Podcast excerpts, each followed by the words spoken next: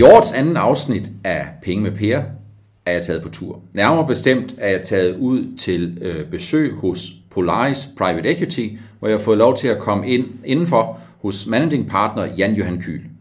Emnet i dag er bestyrelsen og bestyrelsesformandens rolle, og håber jeg, et par tips og tricks til, hvad det er, investoren de kan kigge efter, for at se forskel på den bestyrelse, som gør den gode forskel, og den bestyrelse, som måske har noget at lære. Og Jan, tak fordi jeg måtte komme, og vil du ikke starte med at fortælle en lille smule om Polaris? Jo, men øh, velkommen. Jeg vil lige et par enkelte ord om Polaris. Vi er jo en ganske veletableret fond. Vi har været i markedet i næsten 20 år. Vi investerer i mellemstore virksomheder i Danmark og Sverige, øh, og vi investerer lige nu ud af vores øh, fjerde fond, som, hvor vi har godt øh, 3,3 milliarder kroner at, at, at investere. Og indtil videre har vi lavet 35 investeringer. Vi har solgt de 24 virksomhederne igen, så vi har været igennem cyklusen nogle gange, og har også prøvet en lang række bestyrelser, og selvfølgelig masser af erfaringer og holdninger til, til det. Lad os starte med en afgrænsning.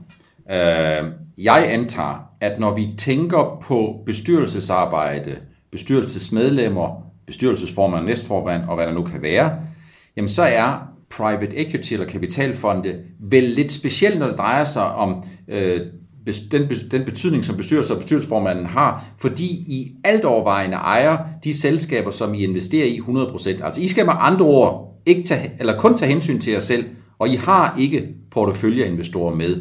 Er det korrekt, og er det ikke en lidt speciel situation? Jo, det, det er jo korrekt, kan man sige. Ikke? Og jeg havde for nogle år tilbage en diskussion også med en, der har siddet i det her, hvad hedder det, Institut for God Selskabsledelse, eller Principper for God Selskabsledelse, om lige præcis det her. Og vi var sjovt nok meget enige, for han sagde, at det er jo kapitalfondet, det er lige det modsatte af det, det her drejer sig om, fordi principperne der drejer sig om at beskytte minoritetsaktionærer og sikre der god governance omkring det. Og i private equity, som han jo helt klart sagde, at vi er 100% enige om det, der er der jo ikke nogen at beskytte på den måde rent aktionærmæssigt, fordi der sidder aktionæren jo med ved bordet. Og det er den kæmpe store forskel, og det giver også en særlig rolle for en bestyrelsesformand øh, og en bestyrelse i det hele taget, fordi det, man kommer til at bruge tid på, det er lidt mindre at bruge tid på governance og sikre, at vi nu har ikke overtrådt nogle ting i forhold til minoritetsaktionærer, men kan grundlæggende, i hvert fald mit syn på det, koncentrere sig endnu mere om at udvikle forretningen. Så man kan sige, I varetager fuldstændig på samme måde som i alle andre henseender aktionærens interesse, men forskellen den er, at aktionærens interesse, det er jeres egen interesse. Og dem, som har investeret ind i fonden, kan man sige. Ja. Det er der, hvor governance, man egentlig kan sige, lidt ude kommer ind. Yes, lige præcis. Og så lige en kommentar til det, kan man sige. Vi har jo også typisk nogle familier med, som vi køber virksomheden, og de sidder med i bestyrelsen også, så på den måde sidder de andre eventuelt minoritetsaktionærer også med ved bordet på den måde. Så de er jo alle sammen varetaget, men ellers helt rigtigt. Og så kan man sige, I er måske en lille smule anderledes end andre øh, private equity fonde, forstået på den måde, at I er mere involveret i generationsskifter, altså mere nogle virksomheder, som kommer til jer og spørger jer, om I vil hjælpe med det næste ejerskab, snarere end at I er, hvad kan man kalde det, det er sådan mere traditionelle private equity.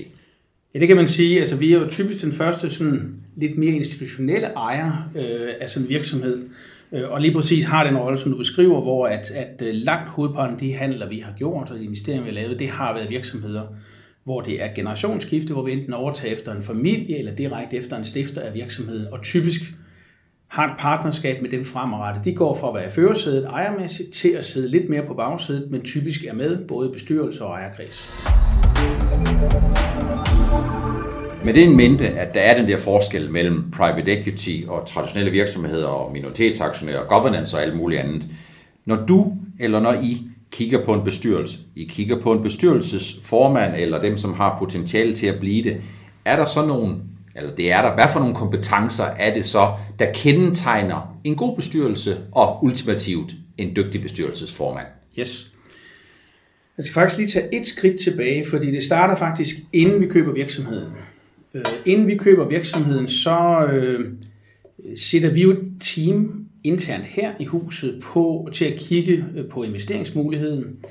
Øh, og der er vi internt delt op i nogle sektorer, kan man sige. Så vi kan stille nogen, der er rimelig kompetente inden for en sektor, i hvert fald i forhold til andre investorer, vil vi påstå, men som jo ikke har den der meget skarpe driftsmæssige forståelse eller strategisk forståelse nødvendigvis for en sektor. Og der gør vi så det, vi sætter os ned med den konkrete investering og siger, hvad har vi brug for, for at lukke vores videnshuller, som det ene spørgsmål, vi skal besvare. Og det andet, det er at sige, hvad har virksomheden brug for at kunne udvikle sig? Og de to ting kombineret siger, hvad er det så for personer, vi har brug for rundt om os, øh, til at være det, vi kalder industrielle rådgiver. Det er typisk 1, 2, maks 3 personer i en typisk sag. Det er egentlig shortlisten af dem, vi kigger på bagefter til også ryge bestyrelsen. Det er ikke sikkert, de ryger bestyrelsen, men typisk vil en eller flere af dem ryge bestyrelsen bagefter. Så derfor kan man sige, at vi er allerede startet med at finde nogen, som vi siger, de kan et eller andet omkring virksomheden, enten branchen, men typisk også nogle af funktionsområderne, eller hvis de nu, lad os sige, de skal ekspandere til Kina, ingen i virksomheden har prøvet det før, så finder vi en, der har prøvet det før, så man har ingen grund til at gentage nogle fejl. Lige så godt lære det. Øh, inden vi så endeligt, så vi kigger jo meget efter at have nogle, nogle, nogle på den måde faglige kompetencer, men det, som sagt, det kan både være funktionsfaglige, men det kan også være branchefaglige kompetencer. Ikke? Det andet, vi, vi, øh, vi så gør, er, at øh, inden de endelig kommer i bestyrelsen, så er der nogle andre kvalifikationer, vi kigger på. Og det, vi kigger på der, det er dels, at de jo, man skal huske på, at de er med til at forme strategien sammen med den siddende ledelse og den siddende ejer og os. Så vi egentlig har sådan tre-fire rundt om bordet, der er med til at forme strategien, så når vi den dag, vi får nøglerne, jamen, så er vi egentlig enige om, hvilken retning vi skal. Og inden de så træder ind i bestyrelsen, så er der en meget et par vigtige kriterier. Det ene er, tænder de egentlig på den case? Kan de virkelig grundlæggende godt lide virksomheden? Tror de også på strategien fremover? Og en vigtig måde, en nem måde at teste på, det er at spørge, vil de gerne investere i virksomheden til samme pris, som vi har betalt? Og det er faktisk et reelt et krav. Øh, så alle vores bestyrelsesmedlemmer, herunder også formand, de har hånden på kogepladen, ligesom ledelsen også har det. Så det er den ene ting. Det andet, og det gælder særdeleshed top øh, ved bestyrelsesformanden, det er, at han skal have tid, eller hun skal have tid. Øh, så, så det er sådan en meget vigtig ting, fordi vi bruger dem relativt aktivt, øh, kan man sige. Og den tredje ting, vi øh, tjekker, og derfor sender vi dem simpelthen til interview hos den siddende ledelse, og typisk hos den gamle ejer også, og de har stort set vetoret. De skal føle, at der er faglig respekt for personen. Kan jeg faktisk lære noget af at have den person i bestyrelsen? Øh, det med tiden, det har vi tjekket, men også er kemien der. Kan vi egentlig holde ud at være sammen? Vi vil gerne have, at det også skal være sjovt, kan man sige, og vi skal snakke forretningsudvikling og sådan noget. Og det, det gør man ikke, hvis, hvis, hvis der er for mange kanter på. Der må gerne være kanter på folk, men kemien skal kunne være der, kan man sige. Så det er sådan set de vigtigste kriterier. Hvis så tager formanden, der er det ekstra ved, ham eller hende, det er simpelthen, at der skal være noget ekstra tid til, kan man sige. Udover at de skal helt praktisk kunne lede et godt møde og sådan nogle ting og få ordnet nogle ting af, så skal de i den grad være dygtige coaches. De skal være gode coaches til vores øh, direktør, i særdeleshed den administrerende i det hele taget ind mod ledelsesteamet, for at være sikre på, at vi kan være, dem, være med til at udvikle dem fremover. For typisk så, vores tilgang gennemsnitligt er at vi vil gerne fordoble den virksomhed, vi har, vi har købt over en fem år periode. Det er sådan en gennemsnitsbetragtning. Nogle gange er det jo tre gange, og nogle gange måske kun halvanden gang, men væsentligt, og typisk væsentligt mere, end der er sket de foregående fem år. Og det kræver en udvikling af folk. Og så du egentlig har en, en, en formand, der også har den rolle, og kan tage sig den rolle og tid til at give den sparring, øh, og dermed også sætte direktionen og ledelsen på en rejse, kan man sige. Ikke?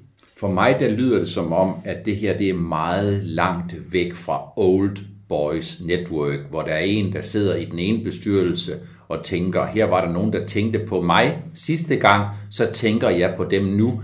Det, for mig der lyder det som, det er en helt anden approach, I har. Der er noget med ejerne, der er noget med ledelsen, der er noget med sparring, coaching. Altså det er nogen, der skal bidrage med noget, og så sidst men ikke mindst, så tror jeg, at for en betydelig del af de børsnoterede selskaber, der er det ikke noget krav om, at man ejer nogle aktier, selvom det ikke er usædvanligt, at dem, der er i bestyrelsen, de ligesom for at tilkendegive, de tror på den her virksomhed, så køber de lidt, så køber de 1000 aktier af den her børsnoterede virksomhed, og så tilkendegiver de, at det giver det her ejermæssige skulder, øh, skulderklap. Men I går altså langt videre, og for mig det lyder det som om, at I er et andet sted. Det må man sige, og jeg vil sige, det skaber en helt anden dynamik i sådan en bestyrelse. Også en, en, en, en direktør kan ikke, vil selvfølgelig altid lytte, eller burde altid lytte, lytte efter, når en bestyrelse siger noget, men der er bare en helt anden øh, åbenhed, vil jeg sige, når, når alle ved, at man har hånden på kogepladen. Alle står i aktion, aktionærlisten, øh, og det er også ganske betydeligt beløb, man har investeret. Og det vil sige, du tager ret meget politik, og forhåbentlig næsten alt politik ud af bestyrelseslokalet. Alt gælder om, og sige, hvordan får vi udviklet forretningen? Så den mållinje, vi alle sammen har, og det er jo, det er jo ligesom virkeligheden i private equity, den dag skal vi sælge, så kan vi faktisk se, om vi lykkes. Det er godt, at vi synes, at vi gjorde det fantastisk, men hvis vi ikke har kunne få et godt afkast, så har vi jo ikke gjort det fantastisk, kan man sige. Så der er den der fælles rejse, man er på, øh, og det giver altså en ret fin dynamik øh, i sådan en bestyrelse. Det giver næsten sig selv, at man kan ikke sidde i fem eller syv bestyrelser med det her engagement og komme igennem det der nåleøje, som man måske ser nogen, der sidder i børsnoterede bestyrelser og laver governance og beskytter øh, mindretalsaktionærer og 47 andre ting. Men I har, jeg lægger næsten ordene i munden på dig, I har ikke øh, en bestyrelsesformand som er bestyrelsesformand i fem eller syv af jeres selskaber, øh, fordi det, det har ugen simpelthen for få timer til. Ja, det må jeg sige. Altså, øh, det, det, det, sådan er det bare. Hvis vi kigger på, øh, hvis, hvis, hvis du ligesom med, med den viden, øh, du har, Jan, du kigger på en virksomhed, hvor meget succes øh, øh, hvis en virksomhed har succes eller fiasko, skyldes så en dygtig ledelse, altså en dygtig direktør, øh, og hvor meget skyldes, at bestyrelsen er gode til at gøre øh, de rigtige ting og coache de rigtige ting. Det kan måske være, at, det, at bestyrelse og ledelse smelter mere sammen hos jer og i de virksomheder, I har, fordi man da ligesom er ligesom et fodboldhold, og så er der nogen, der spiller højre ving, og så er der en, der spiller center forward, og så er der en, der ja. spiller målmand og ting og sager. Men hvad tror du sådan i det generelle tilfælde, hvor, hvor, hvor stor en ære skal direktøren have, når en virksomhed gør det godt, og hvor stor en ære skal bestyrelsen og bestyrelsesformanden have, og på samme måde, når det går skidt, hvor meget af det skyldes direktørens manglende evner, øh, og hvor meget skyldes, at bestyrelsen ikke i tide har grebet ind, eller ikke har valgt den rigtige direktør. Yes. Det er svært at sætte præcise procenter på naturligvis, men, men jeg vil sige, at jeg synes selvfølgelig er topledelse den vigtigste, kan man sige. Øh, fordi det er dem, der gør det til dagligt og driver tingene. Og den rigtige topledelse, og det er ikke kun den administrerende direktør, men også niveauerne rundt om den person, øh, det er meget, meget afgørende. Men øh, jeg oplever, at bestyrelsen kan gøre en meget stor forskel. Og bare som et lille eksempel, uden at vi nævne, hvilken virksomhed det drejer sig om, men, men vi havde da en virksomhed, der ikke helt performede. Og så vil en standardreaktion i mange bestyrelser være, skal vi ikke bare ud med direktøren, fordi der er sikkert en ny, der kan gøre det bedre. Der valgte faktisk den anden model at skifte formanden i stedet for. Fordi vi følte faktisk, at vi havde en ganske god direktør, men han manglede måske lige lidt strategisk højde. Men han var mægtig god til at drive forretningen. Så der fik vi faktisk en, en formand ind, som kunne, apropos coaching, coache den direktør til at gå den retning. Og det faktisk flyttede den virksomhed væsentligt tiden, kan man sige. Så det er sådan et sjovt eksempel på, at i praksis, at en formand faktisk kan gøre en ganske stor forskel. Øh, men det kræver selvfølgelig, at, at vi kan se, hvad er hullerne, kan man sige, og hvad er behovene. Og derfor bruger vi meget tid på i det hele taget at kaste de forskellige bestyrelsesmedlemmer, som jeg egentlig starter med at sige, hvorfor sidder de i bestyrelsen? Altså, de har en særlig rolle. Øh, og for at give et lille eksempel for det svenske, øh, en virksomhed, som øh, vi jo er meget tæt på at børsnotere, men kom der industrielt køber med en højere pris, og så måtte vi jo gå den vej. Men, men øh, en, en e-business forretning, vi havde det svenske, hvor at, at øh, vi, øh, de lavede gør det selv produkter på nettet, eller solgte over nettet, og har gjort det super godt i rigtig mange år. Der fik vi en bestyrelse ind, hvor at vi fik en tidligere strategisk indkøbsdirektør for IKEA, og hans særlige cast, han var castet til simpelthen at skulle coache virksomheden blive meget bedre til kategoristyring og bedre til supply chain og sourcing.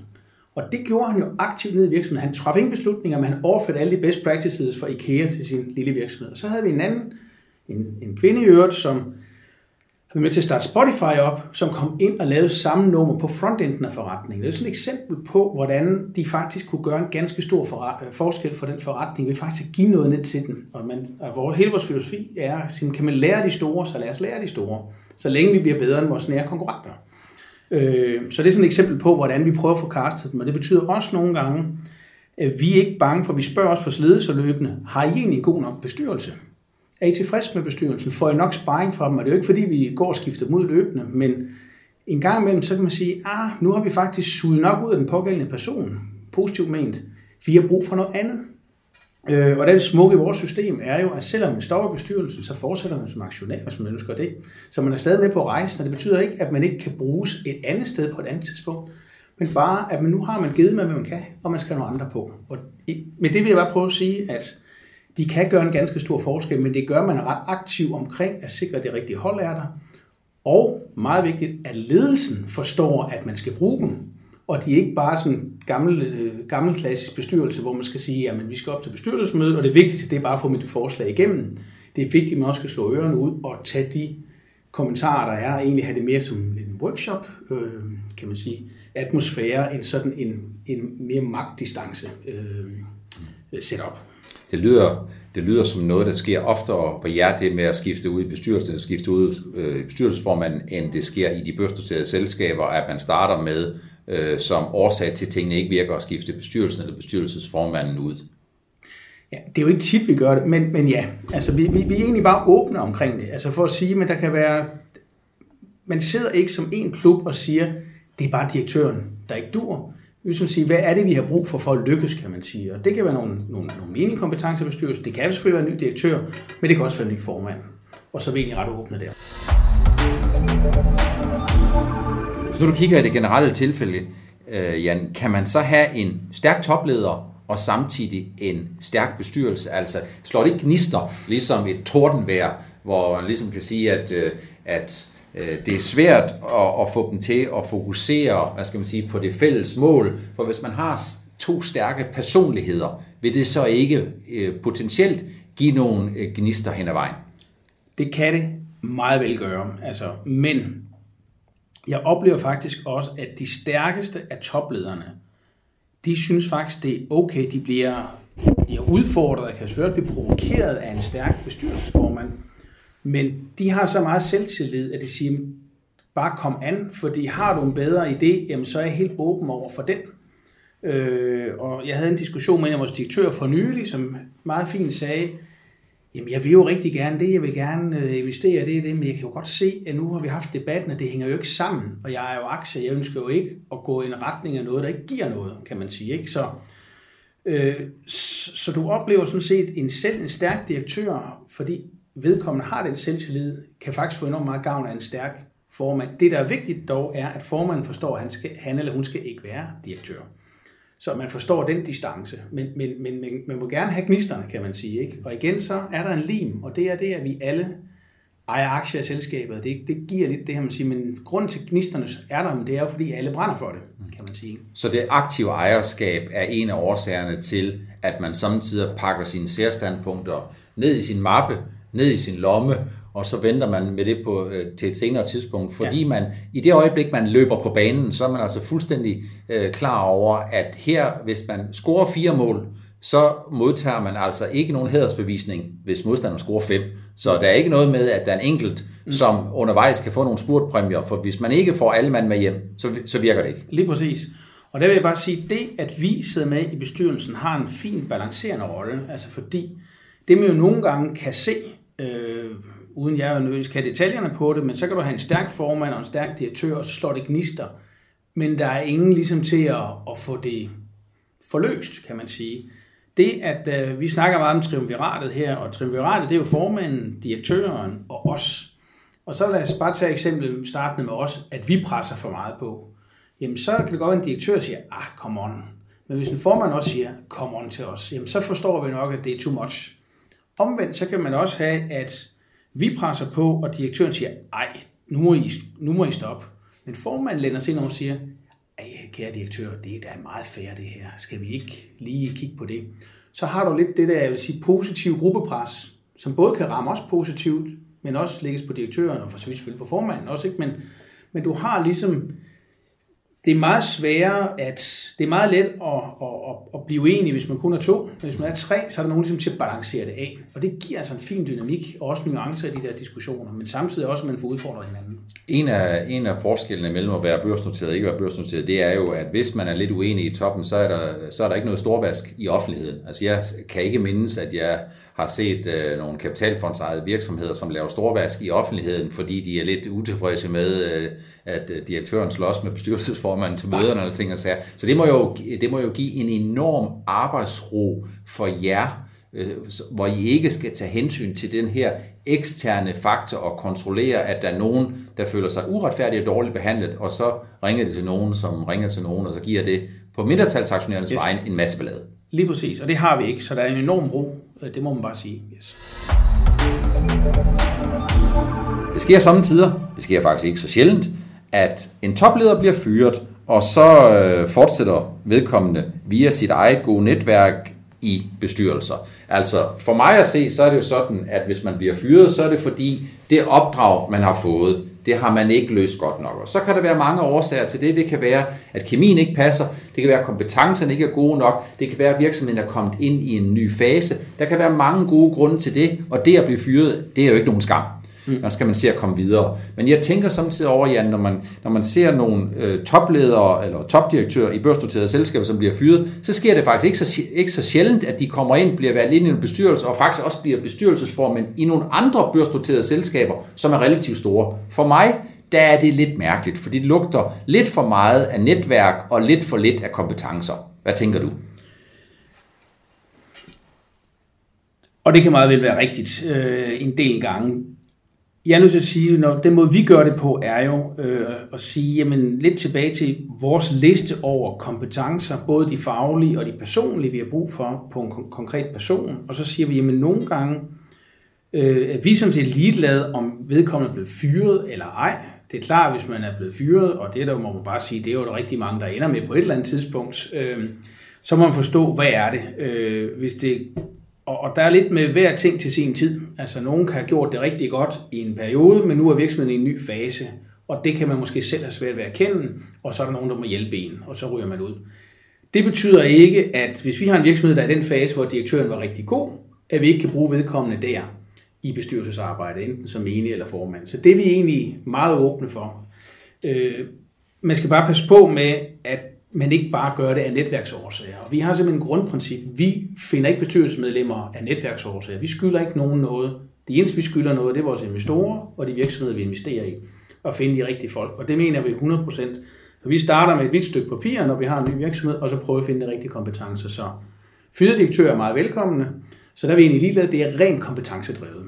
Men forskellen den er, at man bliver ikke bestyrelsesmedlem, måske med at drive en virksomhed på basis af sit netværk, men på basis af de kompetencer, som man har dokumenteret, eller som man kan overbevise nogen om, som man har. Ja.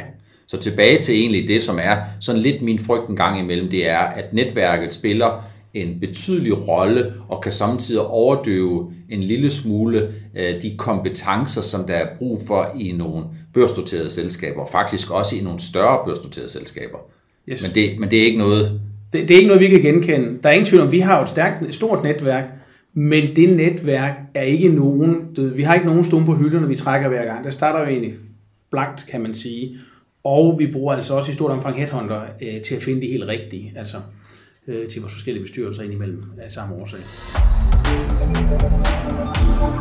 Hvis vi kigger på bestyrelser, i, hvad skal man sige, som er sådan lidt offentlige, Øh, Øh, kan du komme i tanke om nogen, som du ligesom, hvor du ligesom tænker, bestyrelsen, øh, altså nogle konkrete eksempler, bestyrelsen er med til at gøre den gode forskel. De er med til at profilere virksomheden, de er med til at spille direktøren god, de er med til at spille produkterne gode, de kan løse nogle forskellige opgaver, fordi man i bestyrelsen har nogle kompetencer, der faktisk gør, at man kan spille den her virksomhed god.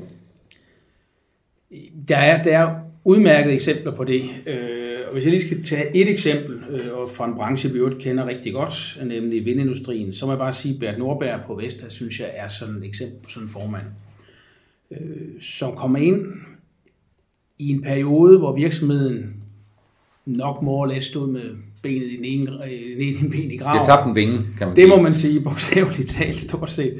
Øh, og hvor han stod meget stærkt i den storm der, kan man sige, og virkelig kæmpede virksomhedens sag, og også fik lavet de ting, der skulle til efterhånden, som lærte virksomheden at kende, og fik spillet en ledelse ind, som i den grad har gjort det. Og jeg mødtes med ham, også fordi der er nogle brancheting og så videre, og jeg vil sige, jeg var ret fascineret af hans klarsyn omkring, hvad han mente, der skulle ske, kan man sige. Ikke? Altså, og den udvikling, som, som øh, de efterfølgende har gjort, jamen det har de gjort meget konsekvent, kan man sige. Der mener jeg, at han i den grad har gjort en, en forskel.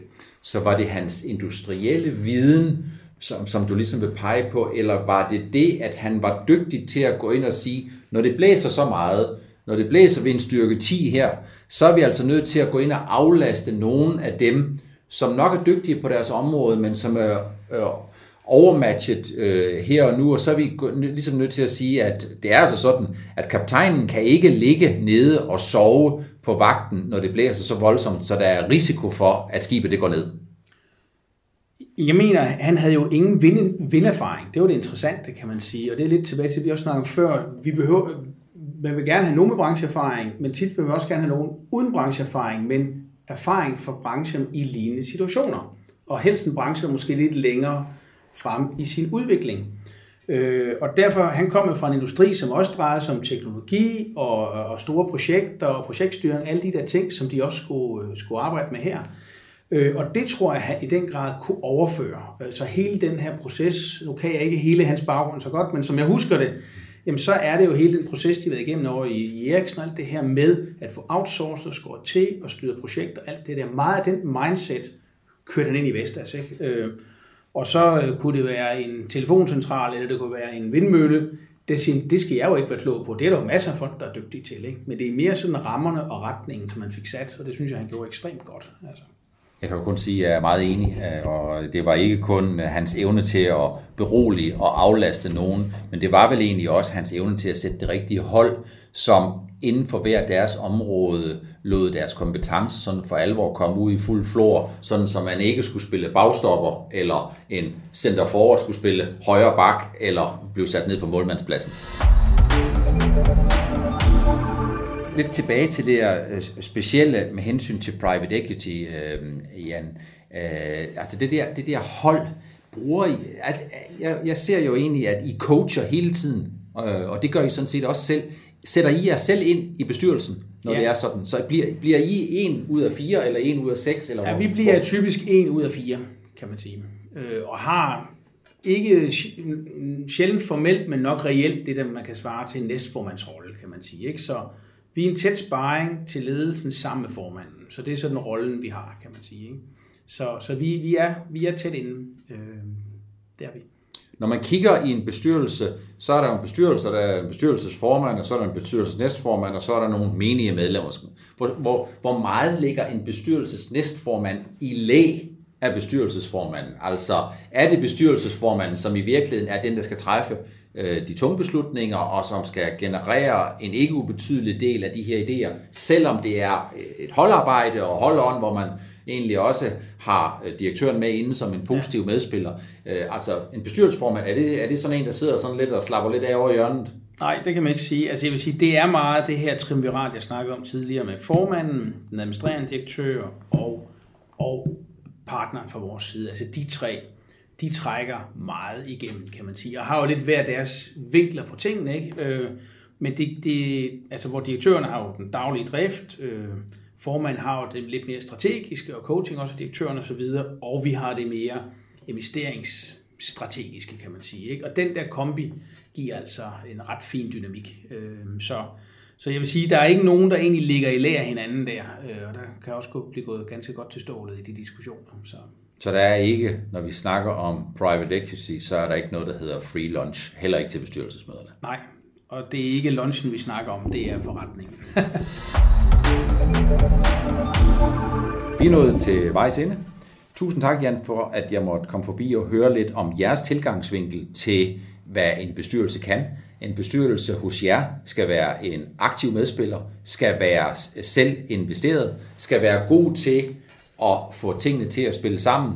Det betyder meget med kompetencer, det betyder meget at finde de rigtige folk til den rigtige position, uanset om man så er blevet lidt til overs fra det tidligere job, hvor man har været i, fordi man måske har været på vej i en anden retning eller et eller andet. Det er jo ingen skam at blive fyret, bare man kommer videre på den rigtige og på den gode måde. Jeg tror, at øh, hvis vi kigger på øh, bestyrelser i børsnoterede selskaber, jamen så tror jeg meget, at det jo handler, eller det handler lidt mere om netværksarbejde og kunne netværke, end det egentlig gør øh, hos jer. Og I, be, I har ikke så meget øh, med at beskytte minoritetsaktionærerne, for minoritetsaktionærerne, det er sådan set, dem er der sådan set ikke rigtig nogen af, og man kan sige, hvis der er nogen, der skal beskyttes overhovedet, jamen så er det jo dem, der har investeret i jer i tiltro til, at I kunne få deres penge til at yngle. Så tak fordi jeg måtte komme. Selv tak.